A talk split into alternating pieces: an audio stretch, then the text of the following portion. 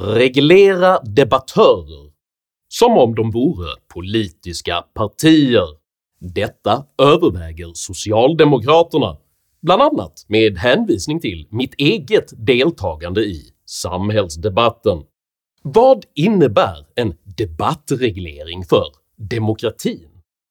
Varför har denna fråga plötsligt blivit så viktig för socialdemokraterna? Och vad händer med ett parti som sätter sina egna maktintressen före både yttrandefrihet och demokrati? Dessa frågor tar jag upp i veckans video om “striden om stålarna”. Gillar du mina filmer och vill stötta min kritik av makten, som alltså socialdemokraterna nu öppet överväger att lagstifta mot, då betyder en frivillig donation via något av betalningsalternativen här nedanför mer än någonsin. Märk gärna donationen REBELL-Swish om du, precis som jag, vill bekämpa politisk åsiktsregistrering och tillåta fortsatt finansiering av fria debattörer. För idag talar jag om politik, om påtryckningar och om pengar, så häng med!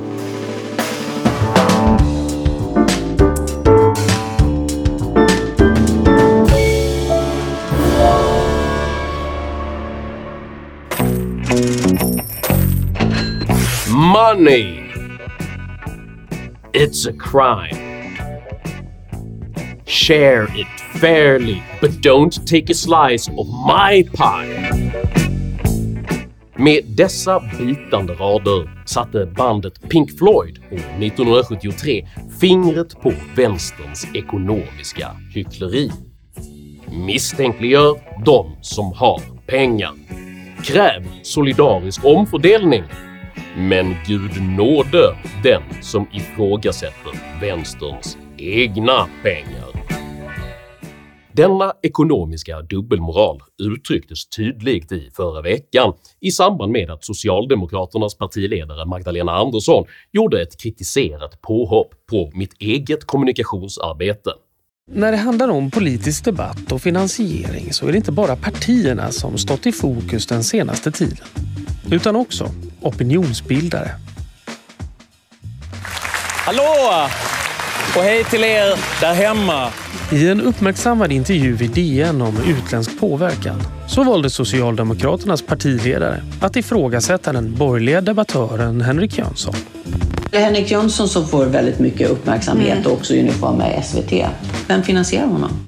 Utspelet framstår vid en första anblick som ett spontant misstag, men det är i själva verket en planerad strategi. Detta röjs bland annat av det faktum att pressekreterare Miriam Kontio under intervjun sufflerar Andersson med exakt samma nyckelord som bara minuter efter publicering upprepas av partisekreterare Tobias Baudin. Deras trollar med inför valet. Så ja. det, där kan man bara se hur de agerar. Ja, eller Henrik Jönsson som får väldigt mycket uppmärksamhet mm. och också uniform med SVT. Vem finansierar honom? För att sprida hatpropaganda ja. mot, mot oss och Magda. Budskapet är tydligt planerat och handlar egentligen inte om mig utan är ett försök att misstänkliggöra all borgerlig kommunikation för att försvåra dess finansiering och därigenom hota dess existens. Utspelet följdes omedelbart upp i Aftonbladet där partisekreterare Tobias Baudin öppnade för lagändringar rörande opinionsbildningsarbete. Frågan om debattören Henrik Jönssons finansiering är relevant, anser partisekreteraren och öppnar för att gå fram med förslag på lagändringar. I veckans agenda försvarade Baudin än en gång Magdalena Anderssons påhopp på min person som ett relevant sätt att lyfta debatten kring opinionsbildning som ska påverka politiska beslut i vårt land. Vi börjar med den frågan då som lett till kritik mot Magdalena Andersson senaste veckan då hon eh, eh, misstänkliggjorde en enskild opinionsbildare genom att fråga sig vem som finansierar hans program. Varför gjorde hon det? Nej, men det är för att lyfta debatten kring opinionsbildning och hur man ska påverka politiska beslut i vårt land. Baudin försöker sedan kontrafaktiskt ge Svenskt Näringsliv äran för mitt eget arbete men avbryts förtjänstfullt av programledaren Camilla Kvartoft. Den här Jönsson, nu visar det sig att det var ju inte bara swishpengar utan som så många gånger förr så går det att härleda det här till Svenskt Näringsliv. Om jag får stoppa det där då, för, för det, han säger ju det också till oss. Han finansierar alltså sin, ju, sina Youtube-filmer med, eh, med bidrag då från tittarna, mm. men eh, talkshowen 100% finansierar han själv tillsammans med tankesmedjan EPI. Eh, och det står ju i mm. Är det här något problem? Jo, jag tycker att grundregeln måste vara öppenhet och transparens. Att stödet av min kommunikation redan är öppet och transparent deklarerat i varenda video och dessutom offentligt publicerat i flera nyhetsmedier låtsas Baudin inte om eftersom den socialdemokratiska strategin nu är att framställa all kritik av deras parti som otillbörlig. Titta också på Svenskt Näringsliv, hur de påverkar, för ibland är det också rena vill jag säga, personangrepp på ledande politiker. I nästa andetag avslöjar dock Baudin var skon egentligen klämmer, nämligen att regeringen just nu utreder den tveksamma finansiella symbiosen mellan LO och det socialdemokratiska partiet. Nu gör ju regeringen det här angreppet på svensk fackföreningsrörelse. Socialdemokratins demokratiskt vårdslösa attack på Sveriges fria opinionsbildning är alltså inget mindre än ett vedergällningsförsök för att försvara vad som närmast kan liknas vid en socialdemokratisk form av kartellbildning. Angreppet på facken, som Baudin talar om, syftar på kommittédirektivet förstärkt insyn och transparens i finansieringen av politiska partier från den 15 juni 2023 och den specifika punkt som socialdemokraterna nu attackerar gäller om det bör införas särskilda krav på transparens respektive samtycke från enskilda medlemmar när det gäller ekonomiskt stöd till partier från organisationer på arbetsmarknaden. Anledningen till att den öppenhet och transparens som Baudin säger sig vurma för i just detta fall beskrivs som ett angrepp beror på att socialdemokraternas systerorganisation LO ger partiet enorma summor ekonomiskt stöd på ett sätt som faktiskt är demokratiskt tveksamt på riktigt.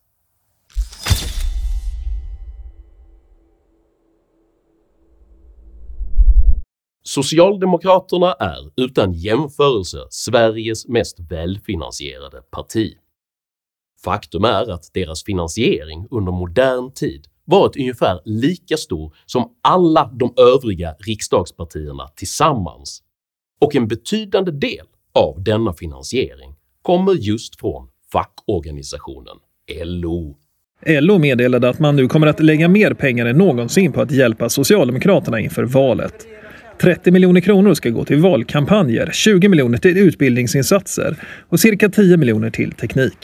Det står naturligtvis organisationer fritt att stötta vilka politiska partier de vill, men Socialdemokraterna har gett just LO en lagstadgad särställning på den svenska arbetsmarknaden som gör det ofördelaktigt för arbetstagare att inte vara medlemmar. Till exempel förhandlas löner, pensioner och arbetstider direkt mellan fackförbund och arbetsgivare vilket innebär att den som står utanför facket i väsentlig mening saknar möjlighet att påverka sin arbetsplatssituation. Utöver detta har socialdemokraterna tilldelat facken den quasi-officiella befogenheten att administrera arbetslöshetskassan, vars avtal även omfattar icke-fackliga a-kassor och därmed gör det omöjligt för icke-fackanslutna att påverka sina arbetslöshetsvillkor samtidigt finansierar den fackliga avgift som alla medlemmar måste betala det socialdemokratiska partiet, oavsett vad medlemmarna själva röstar på. Vi har en siffra här, 60 procent. Vet du vad den står för? Nej.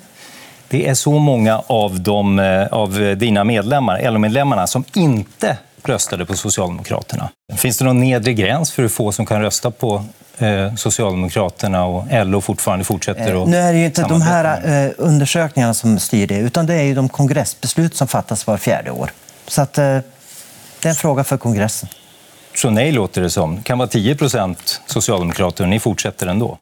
Dessutom motarbetar LO aktivt Sverigedemokrater genom både avsättningar och genom att neka dem befogenheter, samtidigt som deras fackavgifter används för att opinionsbilda mot dem själva. Och den lokala IF Metall-ordföranden på SSAB i Luleå, Ulf Karlström, som eh, blir av med sina fackliga uppdrag på grund av att han är politiskt aktiv i Sverigedemokraterna. Det är ju beklämmande. Vi har ju valt in Ulf för att han ska representera oss. Och det är vi som väljer vem vi vill ha. Och Ulf är ju driven då i fackliga frågor. Så att... När jag jobbar på SSAB så jobbar jag som gruppordförande råjärn. Och då gäller det de fackliga frågorna och vad som gäller för medlemmarnas bästa. Först var jag ju väldigt besviken och, och det, men sen var jag ju bara förbannad. För jag menar att de ska väl inte bestämma vad jag gör på min fritid. Vinner jag det här ärendet så kommer det nog bli betydligt mycket mer aktiva Sverigedemokrater i svenska samhället. För då törs de stå upp för att vara Sverigedemokrat. Som det är idag så är folk rädda för förtrycket att visa utåt och som i mitt fall då uteslutningshoten från fackförbund och det. Facken försvarar denna orättvisa situation med att man har demokratiska kongressbeslut om politisk samverkan med just Socialdemokraterna. Den majoritet som inte eh, röstar på Socialdemokraterna, vem, vem företräder dem inom LO? Ja, då är det de politiska partierna som de röstar på. LO gör det ju inte eftersom vi har kongressbeslut att vi ska ha facklig politisk samverkan med S.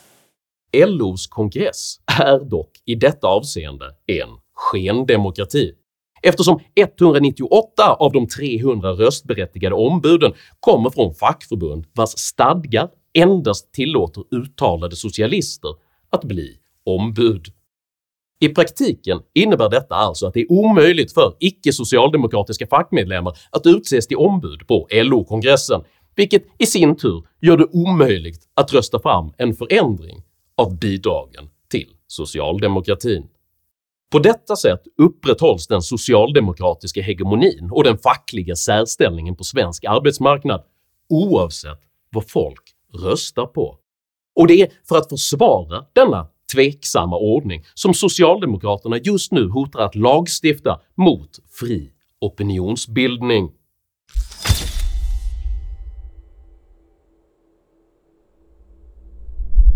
Mellan raderna säger socialdemokraterna “om högern förstör vår kampanjfinansiering så förstör vi er opinionsbildning” vilket man framstår vilja göra genom att ställa samma krav på debattörer som på politiska partier.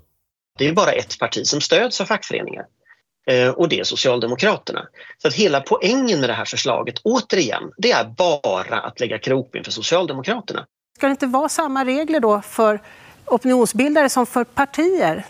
Att Socialdemokraterna på detta sätt försvarar sin demokratiskt tveksamma LO-finansiering genom att angripa den fria demokratiska debattens grundförutsättningar visar att frågan aldrig handlat om vare sig demokrati, öppenhet eller transparens, utan bara om partiets egen makt.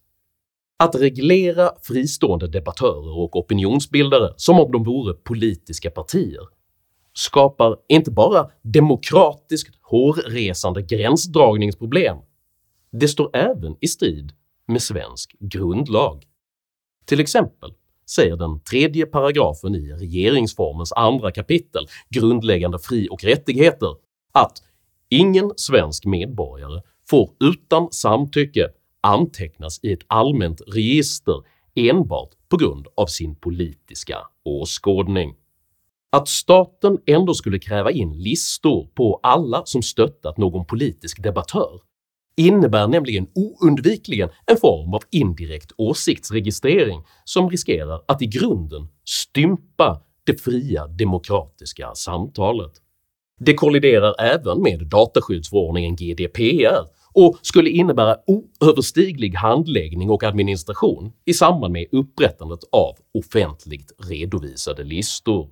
Dessa problem kan inte heller avfärdas med hänvisning till att regelverken endast ska tillämpas på specifikt politiska eller specifikt opinionsmässigt slagkraftiga individer och donatorer, eftersom dessa styrkeförhållanden ständigt förändras i den moderna digitala debatten.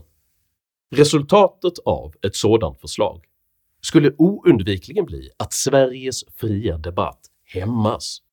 För var går egentligen gränsen mellan medborgarnas rätt att fritt yttra sina åsikter i offentligheten och opinionsbildning? Kan man fritt uttrycka sina åsikter i klimatfrågan, eller ska Greta Thunbergs supporters registreras? Får antirasistisk aktivism uttryckas fritt, eller bör även Henrik Arnstads följare granskas? Kommer transfrågan att kunna diskuteras, eller måste dragqueenen Admira Thunderpussys anhängare inspekteras? Eller är det möjligen mest vi som kritiserar socialdemokratin som ska omfattas av dessa potentiellt nya regelverk? För att parafrasera oppositionsledaren “Jag ställer bara frågan”.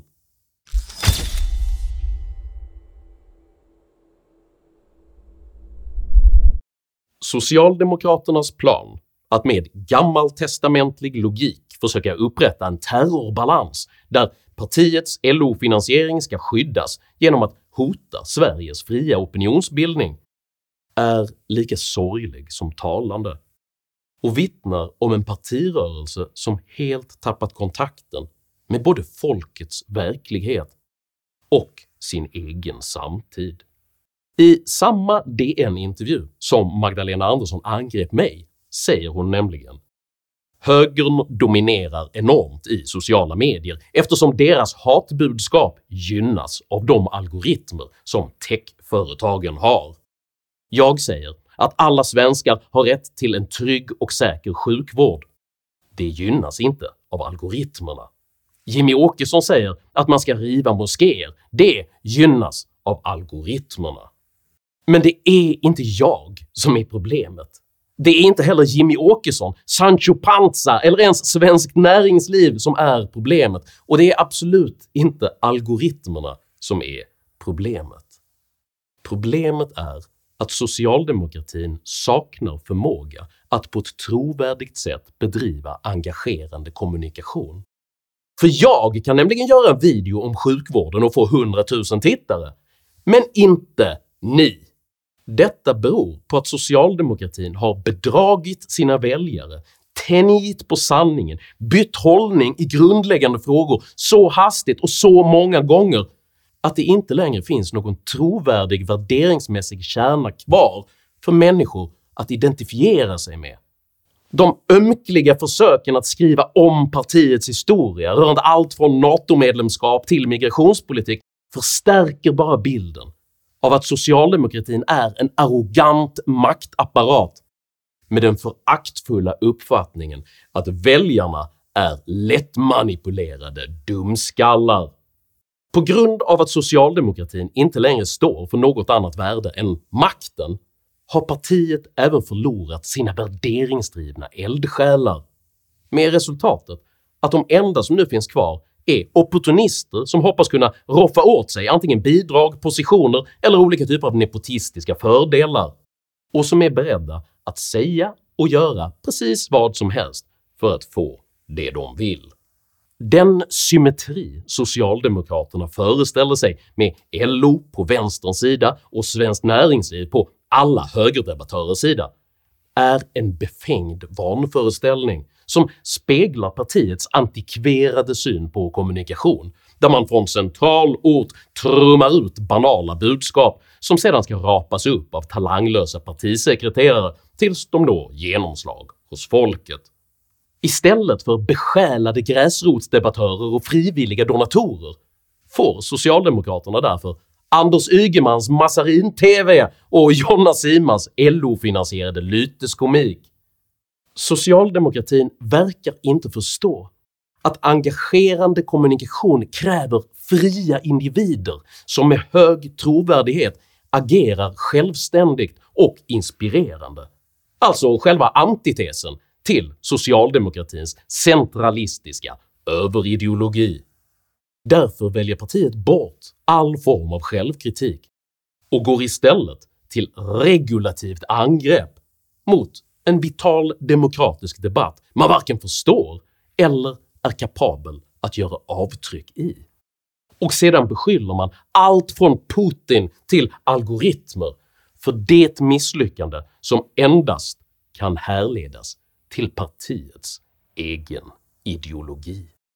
Främst vittnar dock detta om att socialdemokratin än en gång sätter sin egen makt och sina egna pengar före både demokrati och verkliga ideologiska värden. Och detta var något som redan 1973 sammanfattades av Pink Floyds känga mot den cyniska värdenihilismen. Money! It's a hit. Don't give me that do-goody-good bullshit.